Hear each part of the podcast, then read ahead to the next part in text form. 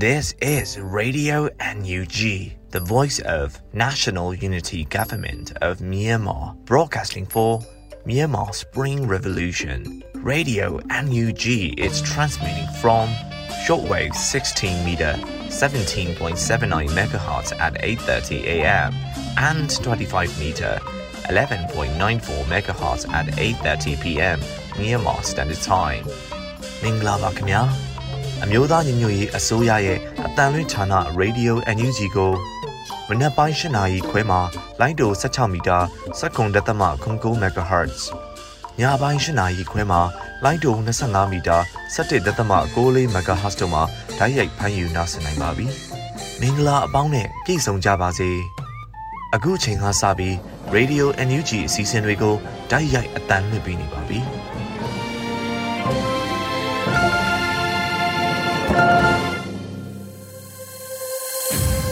မြန်မာနိုင်ငံသူနိုင်ငံသားအပေါင်းတဘာဝပြီးစစ်အာဏာရှင်ပြည်တို့ကနေကင်းဝေးပြီးကိုစိတ်နှပြစမ်းမာချမ်းသာလို့ဘေးကင်းလုံခြုံကြပါစေလို့ Radio NUG နဲ့ဖွဲ့သားတွေကဆုတောင်းမြတ်တာပို့တာလည်းရပါတယ်ရှင်။အခုချိန်ကစပြီးကာကွယ်ရေးဝန်ကြီးဌာနရဲ့စစ်ရေးသတင်းအကျဉ်းချုပ်ကိုຫນွေဦးမှုကဖတ်ကြားတင်ပြပေးမှာဖြစ်ပါတယ်ရှင်။မင်္ဂလာပါခင်ဗျာ။အမျိုးသားညီညွတ်ရေးအစိုးရကာကွယ်ရေးဝန်ကြီးဌာနမှထုတ်ဝေသော နေ့စဉ်စစ်ရေးသတင်းအကျဉ်းချုပ်များကို တင်ပြသွားမှာဖြစ်ပါတယ်။ဤသတင်းများကို Radio NUG သတင်းတောင်ဝန်ခံတွေနဲ့ခိုင်လုံသောမိဖက်သတင်းရင်းမြစ်များမှဖော်ပြလာသောအချက်အလက်များပေါ်အခြေခံပြုစုထားခြင်းဖြစ်ပါတယ်ခင်ဗျာ။ပထမဆုံးအနေနဲ့စစ်ကောင်စီနဲ့တိုက်ပွဲဖြစ်ပွားမှုများကို တင်ပြသွားပါမယ်။ကရင်ပြည်နယ်တွင် မေလ၄ရက်နေ့နေ့လယ်တနာရီမှညနေ4နာရီ25မိနစ်အထိကြာအင်းစိတ်ကြီးမြို့နယ်ခလဲ ဒကွန်တိုင်းကျေးရွာအနီးပတ်ဝန်းကျင်တွင် KNLA တပ်နှင့်ဒကွန်တိုင်းရွာရဲစခန်းဝန်းအတွင်ချိတ်ကုတ်နေရာယူထားသည့်စစ်ကောင်စီတပ်တို့နှစ်ဖက်တိုက်ပွဲပြင်းထန်ဖြစ်ပွားနေကြောင်းသိရပါတယ်ခင်ဗျာ။ကရင်နီကယားပြည်နယ်တွင် မေလ3ရက်နေ့မနက်7:20မိနစ်ခန့်ကဒီမော့ဆိုမြို့နယ်ဒီမော့ဆိုမြို့မရပ်ကွက်သို့စစ်ကောင်စီတပ်များဘတ်ဖိုးကဖြင့်ကာဗာယူ၍တက်လာချိန်တွင် DMO Local PDF ဗျူဟာ3မှစတင်ပစ်ခတ်ရာ15မိနစ်ခန့်ကြာပြီးနောက်စစ်ကောင်စီတပ်သား2ဦးသေဆုံးပြီးနောက်တက်ဆုပ်သွားခဲ့ပါတယ်ခင်ဗျာမေလ3ရက်နေ့မနက်10:40မိနစ်ခန့်ကဖရူဆိုမြို့နယ်မာခရော့ရှိကျေးရွာနှင့်ထားလဲကျေးရွာအကြားတွင်စစ်ကောင်စီနှင့် KA KNDF B15 တို့တနအီကြာတိုက်ပွဲဖြစ်ပွားပြီးစိတ်ကောင်စီတပ်သား2ဦးသေဆုံးခဲ့က ထိခိုက်ဒဏ်ရာရသူများပြားခဲ့ကြောင်းသိရပါတယ်ခင်ဗျာချင်းပြည်နယ်တွင် မေလ3ရက်နေ့ညနေ4:30မိနစ်ခန့်ကဟာခါမြို့နယ်ချုံချုံကျေးရွာနှင့်ဒုတ်ထိတ်ကျေးရွာကြားတွင်စိတ်ကောင်စီရင်တန်းနှင့် CDF ဟာခါတို့တိုက်ပွဲဖြစ်ပွားခဲ့ပြီး၎င်းရင်တန်းပေါ်တွင် အမျိုးသမီးများနှင့်ဖမ်းဆီးခံ CDF ရဲဘော်၈ဦးအပါအဝင် အကျဉ်းသား18ဦးတင်ဆောင်လာကြောင်းသိရပါတယ်။စကိုင်းတိုင်းတွင် မေလ၄ရက်နေ့ကစားလင်းကြီးမြို့နယ်မုံရွာပသိမ်ကားလမ်းပေါ်တွင်စစ်ကောင်စီကားတစ်စီးအားချင်းတွင်းဂလုံရာစာပျောက်ကြားတပ်ဖွဲ့ CGYDF ရှင်းမာပင် Local PDF Alpha Special Force Triple 2 MTOF SPDF နဲ့ SRDF မဟာမိတ်တပ်ဖွဲ့များမှမိုင်းဆွဲတိုက်ခတ်ခဲ့ရာမိုင်းကွင်းအတွင်းသို့တိတိကျကျရောက်ရှိသွားသဖြင့် စိတ်ကောင်စီတပ်သားများတိတ်ဆုံးမှုများပြခဲ့သည် မေလ၄ရက်နေ့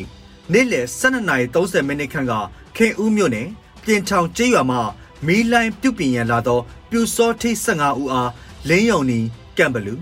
ရောင်နီပျောက်ကြားအဖွဲ့တို့မှ drone ဖြင့်နှစ်ကြိမ်ပုံကျဲတိုက်ခတ်ခဲ့ရာပြူစောထိ3ဦးပြင်းထန်တရားရရှိခဲ့ပါတယ်ခင်ဗျာမေလ3ရက်နေ့ညနေ9:30မိနစ်ခန့်ကရင်းမာပင်မြို့နယ် လေငေါက်ကျေးရွာအနီးတွင်စစ်ကောင်စီတပ်သားများအားဆရာဆန် PDF ပျောက်ကြားအဖွဲ့ရင်းမာပင်မြို့နယ်ဒေသခံကာကွယ်ရေးအဖွဲ့တို့မှ drone ဖြင့်တိုက်ခတ်ခဲ့ပြီးလက်နက်ငယ်များဖြင့်ပစ်ခတ်တိုက်ခတ်ခဲ့ရာစစ်ကောင်စီတပ်သား3ဦးသေဆုံးခဲ့ပါတယ်ခင်ဗျာမေလ3ရက်နေ့ညနေ6:45မိနစ်ခန့်ကမြင်းမှုမြို့နယ်ဗတတိုင်းကျေးရွာအနီးတွင်စစ်ကောင်စီတပ်သားများအားမုံရွာပြည်သူ့ကာကွယ်ရေးတပ်ဖွဲ့ MPDF မုံရွာမြို့နယ်ပကဖ People Guerrillas Commando မြင်းမူ Black Eagle Defense Force မြင်းမူတို့မှ drone ဖြင့်ပုံကျဲတိုက်ခတ်ခဲ့သည်မေလ3ရက်နေ့နေ့လယ်3နာရီခန့်ကကလေးမြို့နယ်ရှားပူကျေးရွာသို့ MI35 နှစ်စင်းဖြင့်လာရောက်ပစ်ခတ်စဉ်ပြည်သူ့ကာကွယ်ရေးတပ်မတော်ကလေးခရိုင်နှင့်ပြည်သူ့ကာကွယ်ရေးအဖွဲ့ကလေးပူးပေါင်းအဖွဲ့မှလက်လုံ RPG ဖြင့်ပစ်ခတ်ရာ MI35 တစီးထိမှန်ခဲ့သည်မေလ3ရက်နေ့ကမြောင်မြို့နယ်ကြောက်ပူးကုန်းကျေးရွာမှမိန်တန်းကျေးရွာသို့လာသောစစ်ကောင်စီတပ်သားများအားမြောင်မြို့နယ်ဒေသခံကာကွယ်ရေးအဖွဲ့မှချောင်းမြောင်းပစ်ခတ်ခဲ့ရာစစ်ကောင်စီတပ်သားတအူးသေဆုံးခဲ့ပါတယ်ခင်ဗျာမေလ2ရက်နေ့ဘူးတလင်မြို့နယ်ဘူးတလင်မြို့မှလာသောစစ်ကောင်စီတပ်သား80ခန့်အားပြည်သူ့ကာကွယ်ရေးအဖွဲ့ဘူးတလင်ကလက်နက်ကြီးများဖြင့်ပစ်ခတ်တိုက်ခတ်ခဲ့ပြီးရှေ့ထွက်ကင်းနဲ့ အပြန်အလှန်ပစ်ခတ်ခဲ့ရာစစ်ကောင်စီတပ်သား9ဦးသေဆုံးခဲ့ပါတယ်ခင်ဗျာမေလ2ရက်နေ့မနက်ပိုင်းကအရာတော်မြို့နယ်ညောင်ပင်ကျေးရွာအနီးစစ်ကောင်စီတပ်သားများနဲ့ MPDF Black Eagle MMPDF PGC မြင်းမူလျှက်စီအရာတော်တပြေညိုပျောက်ကြားအဖွဲ့တို့ထိတွေ့တိုက်ပွဲဖြစ်ပွားခဲ့သည်မေလ2ရက်နေ့ကအရာတော်မြို့နယ်ညောင်ပင်ကျေးရွာစာတင်ကျောင်းရှိစစ်ကောင်စီတပ်သားများကို Black Eagle MPDF ပူပေါင်းအင်အား30ဦးမှလက်နက်ကြီးများဖြင့်ပစ်ခတ်တိုက်ခတ်ခဲ့ရာစစ်ကောင်စီတပ်သား3ဦးသေဆုံးခဲ့ပါတယ်ခင်ဗျာမန္တလေးတိုင်းတွင် မေလ4ရက်နေ့မနက်9နာရီခန့်ကမတရားမြို့နယ်ရှိ PDF စခန်းတစ်ခုအားအင်အားသုံးဝင်ရောက်စီးနင်းသောစစ်ကောင်စီများမိုင်းဆွဲတက်ခတ်ခံရပြီးစစ်ကောင်စီများဘက်မှ17ဦးသေဆုံးက9ဦးဒဏ်ရာရရှိခဲ့ပါတယ်။ထို့နောက်စစ်ကောင်စီများဘက်မှရွာသား9ဦးအား ဖမ်းဆီးသွားကြောင်းသိရပါတယ်ခင်ဗျာ။မကွေးတိုင်းတွင် မေလ2ရက်နေ့မနက်9နာရီခန့်ကထီလင်းမြို့နယ်ရှိရေမျက်နှီရဲစခန်းအား YDF ထီလင်းမှတတိပေတုတ်ပြန်သည့်အနေဖြင့်ပြစ်ခတ်တိုက်ခတ်ခဲ့ရာမိနစ်30ခန့်ကြာမြင့်ခဲ့သည်အဆိုပါတိုက်ခိုက်မှုတွင်စစ်ကောင်စီတပ်သား2ဦးသေဆုံးပြီးတဦးဒဏ်ရာရရှိခဲ့ပါတယ်ခင်ဗျာရန်ကုန်တိုင်းတွင် မေလ4ရက်နေ့မနက်4:40မိနစ်ခန့်က တွန်တင်းမြို့နယ်မိသက်ယုံ၌တက်ဆွဲထားသောစစ်ကောင်စီတပ်များကိုတောင်ပိုင်းခရိုင်ပြည်သူ့ကာကွယ်ရေးအဖွဲ့နှင့်တွန်တင်းမြို့ခံပြည်သူ့ကာကွယ်ရေးအဖွဲ့ပူးပေါင်းပြီးလက်နက်ကြီးဖြင့်ပစ်ခတ်တိုက်ခတ်ခဲ့သည်မေလ3ရက်နေ့ညနေ4နာရီခန့်ကကော့မှုမြို့နယ်မကြီးကန်ကြိုက်ထော်လမ်းမပေါ်ငှက်အော်ဆန်ကျေးရွာအနီးတွင်နေမြေရှင်းလင်းမှုအတွက်ကင်းပတ်လာသောစစ်ကောင်စီတပ်ရင်တန်းကိုတောင်ပိုင်းခရိုင်ပြည်သူ့ကာကွယ်ရေးအထူးတပ်ဖွဲ့မှ ကြားဖြတ်တိုက်ခတ်ခဲ့ရာစစ်ကောင်စီတပ်မှဗိုလ်ကြီးတအုပ်အပါအဝင်နှစ်ဦးသေဆုံးပြီးနှစ်ဦးအပြင်းထန်ဒဏ်ရာရရှိခဲ့ပါတယ်ခင်ဗျာဆက်လက်ပြီးစစ်ကောင်စီကျွလွန်သောရာဇဝတ်မှုများကိုတင်ပြသွားပါမယ်ချင်းပြည်နယ်တွင် မေလ၄ရက်နေ့ကဖလန်းမြို့နယ်ဟာခါဖလန်းကားလမ်းပေါ်ရှိရန်ထလိုကျေးရွာကိုစစ်ကောင်စီတပ်မှမီးရှို့ဖျက်ဆီးခဲ့ရာနေအိမ်ကိုလုံးမီးလောင်ပြာကျခဲ့ကြောင်းသိရပါတယ်။မေလ3ရက်နေ့ နေ့လယ်2နာရီခန့်ကဖလန်းမြို့နယ်ဗလိုင်ရက်ကွက်ရှိ CNOE ကာကွယ်ရေးအတွင်းရေးမှူးဦးပြက်လျံဆန်ဆရာပပိုက်နေအိမ်ကိုစစ်ကောင်စီတပ်မှချိတ်ပိတ်ခဲ့ကြောင်းသိရပါတယ်ခင်ဗျာ။ကရင်ပြည်နယ်တွင် မေလ၄ရက်နေ့ကကြာအင်းစိတ်ကြီးမြို့နယ်ဝင်းရော်ဒေသတွင်စစ်ရှောင်နေကြသည့်ဌာနေလူထုများကိုစစ်ကောင်စီတပ်မှဖမ်းဆီးကြွတုပ်ပြီးရိုက်နှက်ခဲ့သဖြင့်ခလဲကျေးရွာအုပ်စုရှိ ဒေသခံ၁၀ဦးခန့်ဦးကောင်းနှင့်ကိုလက်အင်္ဂါများပြင်းထန်ဒဏ်ရာရသွားခဲ့သဖြင့်ဒေသခံရွာသားအများစုသည်ဦးကောင်းပြင်းထန်ဒဏ်ရာရခဲ့သည့်အတွက်နီးစပ်ရာဒေသများတွင်စေကူတမှုခံယူနေကြရသည့်အပြင်စစ်ကောင်စီတပ်မှရွာသားများကိုအတ္တမဖမ်းဆီး၍လူသားတိုင်းအဖြစ်အုံပြုခြင်းပစ်ခတ်ရိုက်နှက်ခြင်းများအပြင်ကျေးရွာအတွင်းလက်နက်ကြီးများပါပစ်ခတ်မှုများလှုပ်ဆောင်ခဲ့သည့်အတွက် ဥယျာဉ်ချန်နှင့်လူနေအိမ်များထိခိုက်ပျက်စီးမှုရှိခဲ့ပြီးနေအိမ်အများအပြားလည်းဖောက်ထွင်းခံခဲ့ရကြောင်းသိရပါတယ်ခင်ဗျာ။စကိုင်းတိုင်းတွင် မေလ3ရက်နေ့ကဗုဒ္ဓလင်မြို့နယ်ဘုတ်ဖို့ကျေးရွာမှစစ်ပေးဆောင်ပြည်သူ9ဦးအားစစ်ကောင်စီတပ်သားများမှဦးကောင်းကိုတနက်ဖြင့်ပြစ်တက်ခဲ့ပါတယ်ခင်ဗျာ။မေလ3ရက်နေ့ညနေ4နာရီခန့်ကစကိုင်းမြို့နယ်တပြူးကျေးရွာမှကျေးရွာသားကိုအောင်မင်းအားစစ်ကောင်စီတပ်သားများမှ ဖမ်းဆီးခေါ်ဆောင်သွားခဲ့ပါတယ်။မေလ2ရက်နေ့ကအရာတော်မြို့နယ်မလဲတာကျေးရွာသို့စစ်ကောင်စီတပ်သား80ဦးခန့်ဝင်ရောက်ခဲ့ကနေအိမ်900ခန့်အားမီးရှို့ဖျက်ဆီးခဲ့ပြီးကျေးရွာသားတအူအားမိရှို့တပ်ဖြတ်ခဲ့ပါတယ်ခင်ဗျာမကွေးတိုင်းတွင် မေလ၄ရက်နေ့မနက်9နာရီခန့်ကရေစကြိုမြို့နယ်ကျွန်းလှရင်ရွာသို့စစ်ကောင်စီတပ်နှင့်ပြူစောထီးများဝင်ရောက်လာခဲ့ပြီးနေအိမ်အချို့ကို ဝင်မွေခဲ့ကအပြစ်မဲ့လူငယ်တချို့အားအကြောင်းမဲ့ဖမ်းဆီးရိုက်နှက်ခဲ့ပြီးလူငယ်၃ဦးကိုလည်းဖမ်းဆီးခေါ်ဆောင်သွားခဲ့ပါတယ်ခင်ဗျာမေလ၄ရက်နေ့နေ့လယ်12နာရီခန့်ကပေါက်မြို့နယ်ချက်ကန်ရွာကိုစစ်ကောင်စီတပ်နှင့်ပြူစောထီးများမှဝင်စီးခဲ့ပြီးကျေးရွာအတွင်းရှိပြည်သူပိုင်နေအိမ်များကိုမိရှို့ဖျက်ဆီးခဲ့ကလက်နက်ကြီးလက်နက်ငယ်များဖြင့်ဇက်တိုက်ပစ်ခတ်ခဲ့သောကြောင့်ရွာလုံးကျွတ်ထွက်ပြေးတိမ်းရှောင်နေကြရပါတယ်ခင်ဗျာမန္တလေးတိုင်းတွင် မေလ3ရက်နေ့နေ့လယ်3နာရီခန့်ကကြောက်ဆယ်မြို့နယ်ရှိကြောက်ဆယ်ပညာရေးတပိတ်တွင်ငိန်ချမ်းစွာဥဆောင်ပါဝင်ခဲ့သည့် CDM ကျောင်းဆရာတဦးအားစစ်ကောင်စီများမှလာရောက်ဖမ်းဆီးရာ မတွေ့သဖြင့်၎င်း၏တမင်ဖြစ်သူမရှက်ကီ အသက်၄နှစ်အားဒဇာခံအဖြစ်ဖမ်းဆီးခဲ့ပါတယ်။ဧပြီလ30ရက်နေ့တွင်၎င်း CDM ဆရာ၏အမျိုးသမီးဖြစ်သူအားဖမ်းဆီးပြီးနောက်မေတရက်နေ့တွင်လည်းဆွေမျိုးများကိုပါဖမ်းဆီးထားပြီး ပြန်လည်လွှတ်ပေးခြင်းမရှိသေးကြောင်းသိရပါတယ်ခင်ဗျာ။မေလ3ရက်နေ့နေ့လယ်ပိုင်းကချမ်းမြတာစီမြို့နယ်58လမ်း108လမ်းနဲ့109လမ်းကြားကန်တာယာရက်ကွက်ရှိ Green House Inn တွင်ရောက်နေသော အမျိုးသား၄ဦးနှင့်အမျိုးသမီး2ဦးတို့အားစစ်ကောင်စီများမှဝိုင်းညှက်ပိတ်ဆို့၍ပစ်ခတ်တပ်ဖြတ်ခဲ့ပါတယ်ခင်ဗျာရန်ကုန်တိုင်းတွင် မေလ၄ရက်နေ့ညနေပိုင်းကရွှေပြည်သာမြို့နယ်169ဂိတ်ဟောင်းမှတ်တိုင် ဟွန်တာစက်ယုံရှေ့တွင်စစ်ကောင်စီအဖွဲ့ဝင်များမှအင်အားအမြောက်အပြားဖြင့်စိုင်ကယ်ဖမ်းဆီးနေပြီးစိုင်ကယ်ရမပေးသည့်ပြည်သူတအူအားစစ်ကောင်စီတပ်မှတနက်ဖြစ်ပစ်ခတ်သဖြင့်ခြေထောက်ထိမှန်ခဲ့ပါတယ်။မေလ3ရက်နေ့ကတကုံမြို့တက်တောင်ပိုင်းမြို့နယ်18ရက်ကွက်တွင်လူငယ်၄ဦးကိုစစ်ကောင်စီမှဖမ်းဆီးခဲ့ပါတယ်ခင်ဗျာ။အေယာဝတီတိုင်းတွင် မေလ3ရက်နေ့ည7:00နာရီခန့်ကမအူပင်မြို့နယ်မအူပင်မြို့ အမှတ်2ရက်ကွက်ရှိ NLD ပါတီကိုစားပြုအေယာဝတီတိုင်းဒေသကြီးလွှတ်တော်ကိုယ်စားလှယ်ဦးစော်မိုးဤနေအိမ်ကိုသွေးတောက်အဖွဲ့ဤ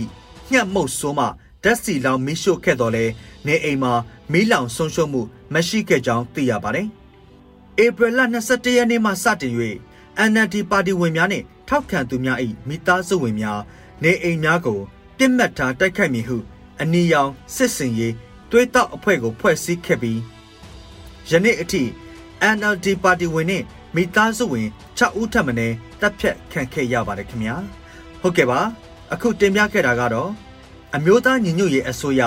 ကာကွယ်ရေးဝန်ကြီးဌာနမှထုတ်ဝေသောနေ့စဉ်စည်ရေးသတင်းအကျဉ်းချုပ်များပဲဖြစ်ပါတယ်ခင်ဗျာကျွန်တော်ຫນွေဦးမိုးပါ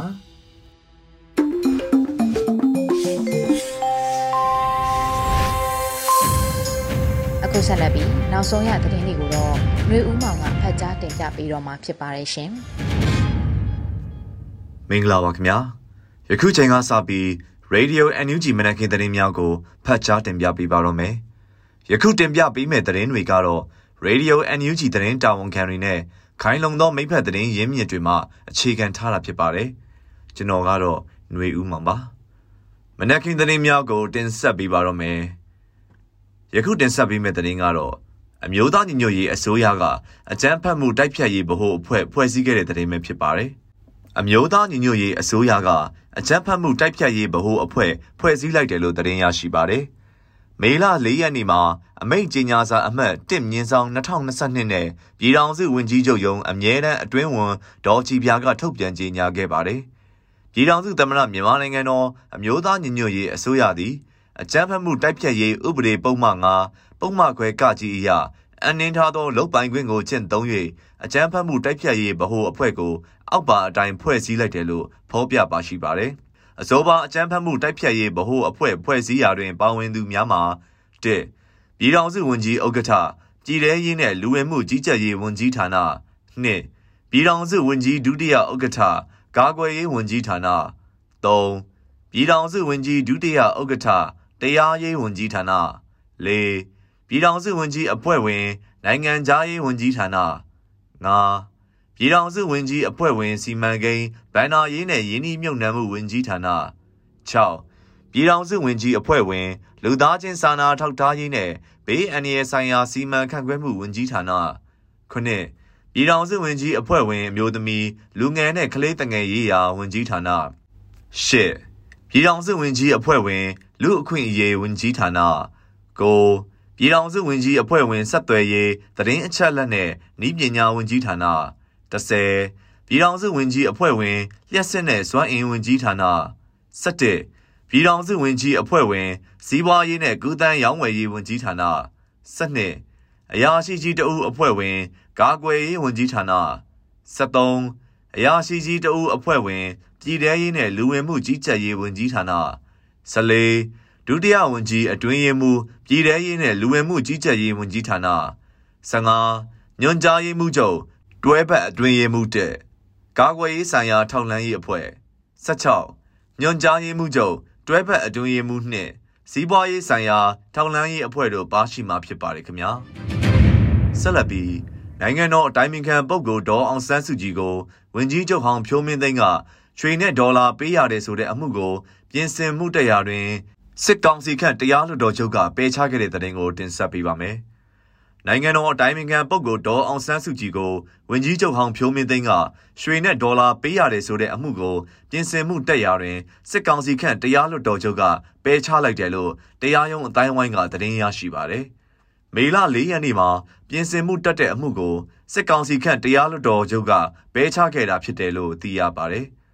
ရန်ကုန်တိုင်းဝန်ကြီးချုပ်ဦးဖြိုးမင်းသိန်းစီကနေ American Dollar 6သိန်းရွှေခွနပိတ်တာယူရဲလို့တရားရုံးမှာ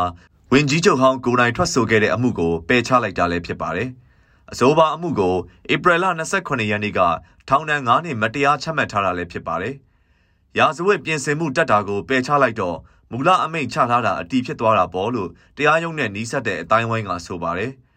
နိုင်ငံတော်အတိုင်းအမြံပုဂ္ဂိုလ်ဒေါ်အောင်ဆန်းစုကြည်ကရွှေနဲ့ဒေါ်လာတွေပေးရတယ်ဆိုတဲ့အမှုနဲ့ပတ်သက်လို့မဟုတ်တန်တရားဆွဆွဲမှုလို့ရုံးတော်မှာထွက်ဆိုခဲ့ပါတယ်ခင်ဗျာ။ဆက်လက်ပြီးဒေါ်လန်ရေးအတွင်းကဒေါ်လန်ရေးများကိုနားမလဲလက်မခံတာမျိုးတွေကပင်မဒေါ်လန်ရေးအင်အားစုတွေအကြားသွေးကွဲမှုတွေဖြစ်စေတတ်တယ်လို့ပြည်ထောင်စုဝန်ကြီးဦးအောင်မျိုးမင်းကတတိပေးပြောကြားခဲ့ပါတယ်။မေလ၄ရက်နေ့မှာအမျိုးသားညီညွတ်ရေးအစိုးရလူအခွင့်ရေးရာဝန်ကြီး ဦးအောင်မျိုးမင်းကဒေါ်လန်ရေးနဲ့ပတ်သက်လို့လူမှုကွန်ရက်မှာရှင်းလင်းရေးသားခဲ့ပါတယ်။ struggles within struggle ဒေါ်လန်ရေးအတွင်းကဒေါ်လန်ရေးများဆိုတာပင်မဒေါ်လန်ရေးကိုဆင်နွှဲနေရင်းနဲ့ပြောင်းလဲတဲ့အရာတွေကိုဖော်ဆောင်ခြင်းဖြစ်တယ်။ပင်မဒေါ်လန်ရေးကိုမထိခိုက်စေဘဲဒေါ်လန်ရေးရဲ့အင်အားကိုပိုကောင်းစေတယ်။ဒေါ်လန်ရေးအလွန်ကာလအထိအကျိုးဖြစ်ထွန်းစေတယ်။ ဒေါ်လန်ရေးအတွင်းကဒေါ်လန်ရေးများကိုနားမလဲတာတွေလက်မခံတာမျိုးတွေကသာဘင်မဒေါ်လန်ရေးအင်အားစုတွေအကြားသွေးကွဲမှုတွေဖြစ်စေတတ်တယ်။ဒေါ်လန်ရေးအလွန်ကာလအထိပြဿနာတွေကိုတဲဆောင်သွားတတ်စေတယ်လို့ဝန်ကြီးကဆိုပါတယ်။အမျိုးသားညီညွတ်ရေးအစိုးရနဲ့ပတ်သက်လို့ဝေဖန်ထောက်ပြတာတွေကိုနားလည်လက်ခံတယ်လို့ပြည်ထရေးဝန်ကြီးဦးလွင်ကိုလက်ကလည်းဆိုရပါတယ်။လက်ရှိမှာ နိုင်ငံရေးတက်ကြွလှုပ်ရှားသူအချို့နဲ့အရက်ဘတ်အဖွဲ့အစည်းအချို့ကအမျိုးသားညီညွတ်ရေးအစိုးရအပေါ်ဝေဖန်ထောက်ပြမှုအချို့ရှိနေခဲ့ပါတယ်ခင်ဗျာဆက်လက်ပြီးရန်ကုန်နန်းထိုင်အောင်စစ်စင်ရေးအပါအဝင်ဒေါ်လန်ရေးအဖွဲ့များထံကလစ်တူဒိုနေမှငွေကျပ်သိန်းပေါင်း1300စတင်ဖြန့်ဝေခဲ့တဲ့တဲ့တင်ကိုတင်ဆက်ပေးပါမယ်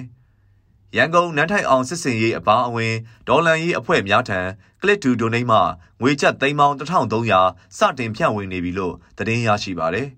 မေလ၄ရက်နေ့မှာဒေါ်လန်ရေးအဖွဲ့များထံထောက်ပံ့ငွေများစတင်ကူညီနေပြီဖြစ်ကြောင်းကလစ်ဒူဒိုနှိမ်းမှဆိုပါတယ်။မတ်လရငွေတွေကိုဖြန့်ဝေနေပါပြီခင်ဗျာ။ပထမဆုံးအနေနဲ့ရန်ကုန်နန်းထိုင်အောင်စစ်စင်ရေး3900မန္တလေးယူဂျီရီစီ3900မင်းတပ်ကံပတ်လက်မတူပီချင်းသုံးဖွဲ့အတွက်300စီနဲ့ BPLA တိန်းတရားစပို့ထားပါပြီ။ကျန်တဲ့အဖွဲ့တွေစီကိုလည်းပုံနေပေမဲ့လုံခြုံရေးအရာအကုန်ပြီးမှပဲကြီးညာပါမယ်လို့ဆိုထားပါတယ်။ Click to Donate app ဟာကူးယူ၍ဒေါ်လာရေးအဖွဲ့များအတွက်ရန်ပုံငွေရရှိရန်ကလစ်နှိပ်ပေးရခြင်းဖြစ်ပါတယ်။၎င်းဟာအင်မတန်လွယ်ကူရုပ်ရှင်ပြီးတနေ့ကိုနာရီဝက်3ငါလောက်အချိန်လေးပေးုံနဲ့ PDF တွေအတွက်သိန်းပေါင်းတောင်းနဲ့ချီပြီးရှာပေးနိုင်မှာဖြစ်ပါတယ်။သို့တော်လည်းအလူငွေများများရရှိဖို့နေ့စဉ်ကလစ်နှိပ်သူလူပေါင်းတသိန်းရှိဖို့လိုအပ်တယ်လို့သိရပါတယ်ခင်ဗျာ။ဆက်လက်ပြီး ဗဒများနကက်ကန်ဆန်းမဲလက်မှတ်ရောင်းရငွေများအားလုံးဒေါ်လန်ရေးအဖွဲ့အစည်းများကိုပြန်လည်ထောက်ပံ့မှာဖြစ်တယ်လို့ဟာငါးကောင်အဖွဲ့ကအဆိုထားတဲ့သတင်းကိုတင်ဆက်ပေးပါမယ်။ဗဒများနကက်ကန်ဆန်းမဲလက်မှတ်ရောင်းရငွေများအားလုံးကိုဒေါ်လန်ရေးအဖွဲ့များစီကိုပြန်လည်ထောက်ပံ့မှာဖြစ်တယ်လို့ဟာငါးကောင်အဖွဲ့ကဆိုပါတယ်။မေလ၄ရက်နေ့မှာဗဒများနကက်ကန်ဆန်းမဲလက်မှတ်ရောင်းချရမှာဟာငါကောင်အဖွဲ့ကလူရှင်တော်တိုင်းကျော်ကဆိုပါတယ်။ အခုဆိုရင်ငွေချက်12သိန်းမို့ကန်ဆာမဲ့လက်မှတ်ဝယ်ပြီးထားတဲ့လူကပဲမဲလက်မှတ်လဲသူမယူဘူးပြန်လှူတယ်ပေါ့အဲ့ဒီလိုလှူထားတဲ့လူလဲရှိပါတယ်ဒီရောင်းရတဲ့ကန်ဆယ်မဲ့လက်မှတ်ဖိုးတွေကိုဒေါ်လန်ရေးအဖွဲ့အစည်းတွေစီအတိအကျပြန်လဲစီးစစ်မှာဖြစ်ပါတယ်လို့လူရှင်တော်တိုင်းကျော်ကဆိုပါတယ်။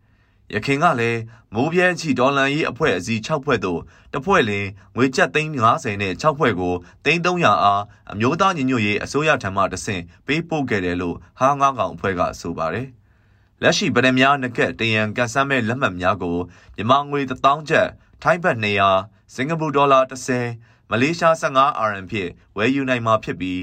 ဟာငေါကောင် page messenger မှာသာလာရောက်ဝယ်ယူနိုင်မယ်လို့သိရပါတယ်ခင်ဗျာ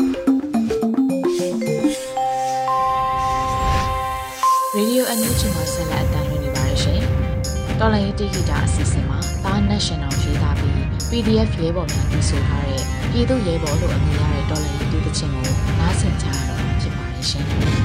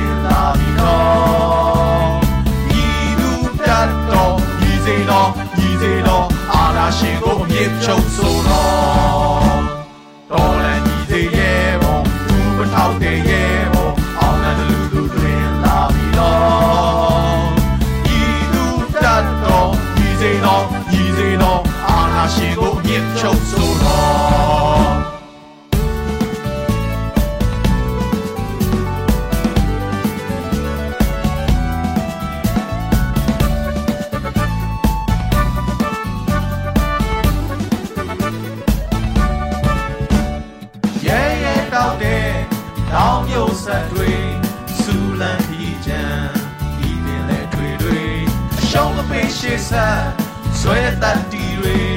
လူလူတော်လန်ရေးစာပြီးအတားစီတောင်းရှက်အထက်ထက်ရှိစေ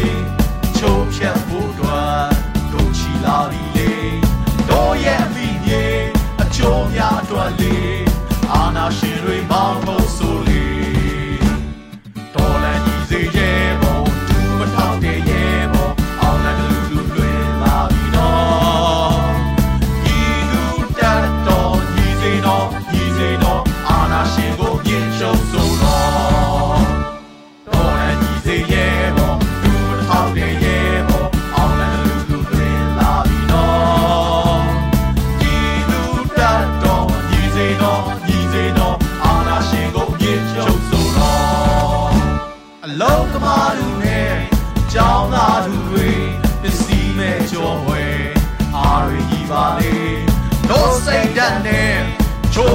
တိုက်စေကဲဒီရှင်ကိုမတောင်းတနဲ့လေတော်လန်ကြီးစေရဲ့ဘောဒူးမထောက်တဲ့ရဲ့ဘောအောင်လည်းလူလူတွင်လာပြီးတော့ဤသူတတ်တော်ဤစေတော်ဤစေတော်အာနာရှင်ကိုအမြင့်ချုပ်ဆိုတော်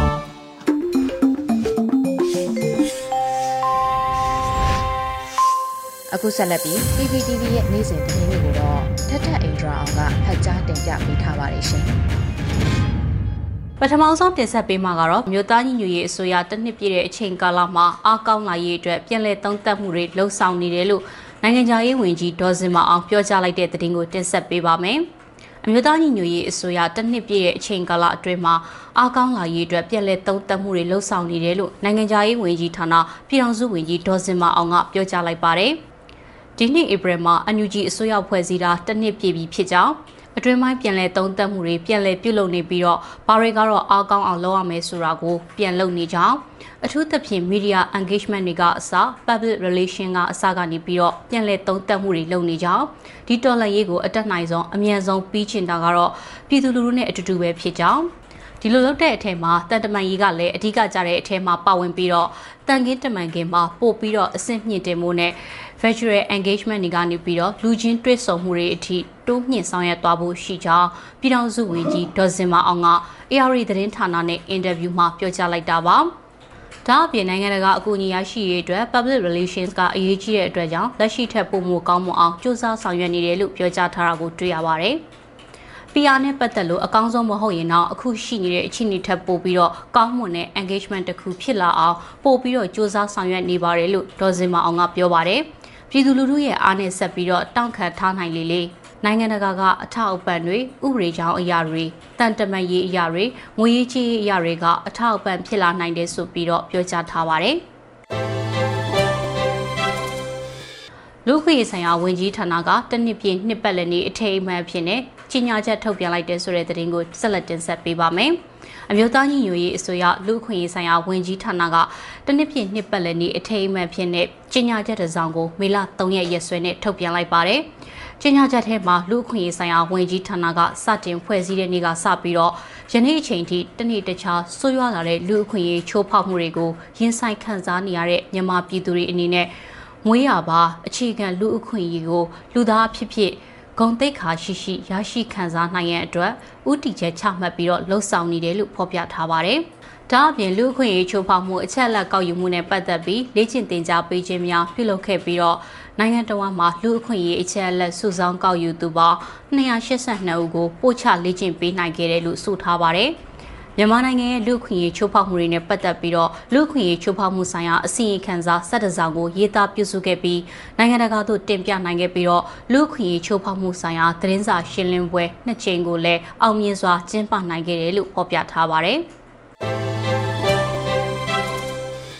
ဆက်လက်ပြီးတော့နှွေဦးတော်လှန်ရေးကာလအတွင်းကြာဆုံးခဲ့ရသူပေါင်း1806ဦးထိရှိနေခဲ့ပြီလို့နိုင်ငံရေးကျင်းသားများကိုကြီးစောင့်ရှောက်ရေးအသင်း AAPP ကစာရင်းထုတ်ပြန်လိုက်တဲ့ဆိုတဲ့သတင်းကိုတင်ဆက်ပေးပါမယ်။အကြမ်းဖက်စစ်တပ်ကအာဏာသိမ်းပြီးတဲ့နောက်အယက်သားပြည်သူတွေကိုတပ်ဖြတ်လျက်ရှိရမှာမေလ3ရက်နေ့ထိစာရင်းတွေအရကြာဆုံးခဲ့ရသူ1806ဦးထိရှိပြီဖြစ်တယ်လို့နိုင်ငံရေးကျင်းသားများကိုကြီးစောင့်ရှောက်ရေးအသင်းကထုတ်ပြန်လိုက်ပါတယ်။အခုနောက်ဆုံးထုတ်ပြန်လိုက်တဲ့စာရင်းမှာမေလ3ရက်ကကောက်ယူနိုင်ခဲ့ပြီးတော့ မန္တလေးတိုင်းမြင်းချံမြို့နယ်စကိုင်းတိုင်းမြင်းမူမြို့နယ်မကွေးတိုင်းနမောက်မြို့နယ်တို့ကတည်ဆုံခဲ့တဲ့အပြစ်မဲ့ပြည်သူ၃ရဲ့အချက်လက်တွေကိုထည့်သွင်းထားတာဖြစ်ပြီးတော့လက်ရှိထုတ်ပြန်ထားတဲ့အရေးအတွက်ဟာ AAPP ကကောက်ယူရရှိထားတဲ့အရေးအတွက်ဖြစ်ပြီးအမှန်တကယ်ကြာဆုံးသွားသူတွေကလက်ရှိအရေးအတွက်ထပ်ပိုနိုင်တယ်ဆိုပြီးတော့လည်းဖော်ပြထားပါတယ်။မှတ်တမ်းပြုချက်တွေအရဖေဖော်ဝါရီလ၁ရက်နေ့ကနေစပြီးတော့ဧပြီလ16ရက်နေ့အထိဖမ်းဆီးချုံနှောင်ခြင်းခံထားသူစုစုပေါင်း1518ဦးရှိပြီးတော့ သူတို့ထဲက1039ဟာ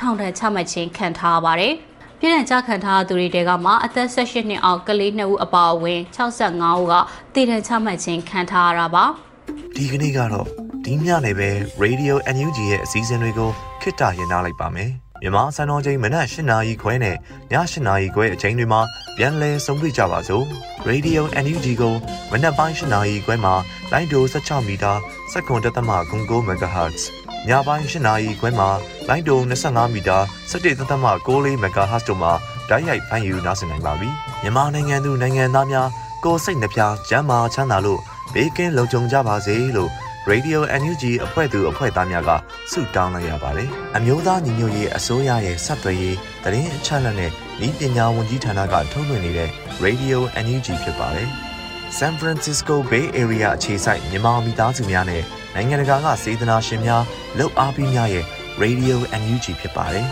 ။အရေးတော်ပုံအောင်ရမည်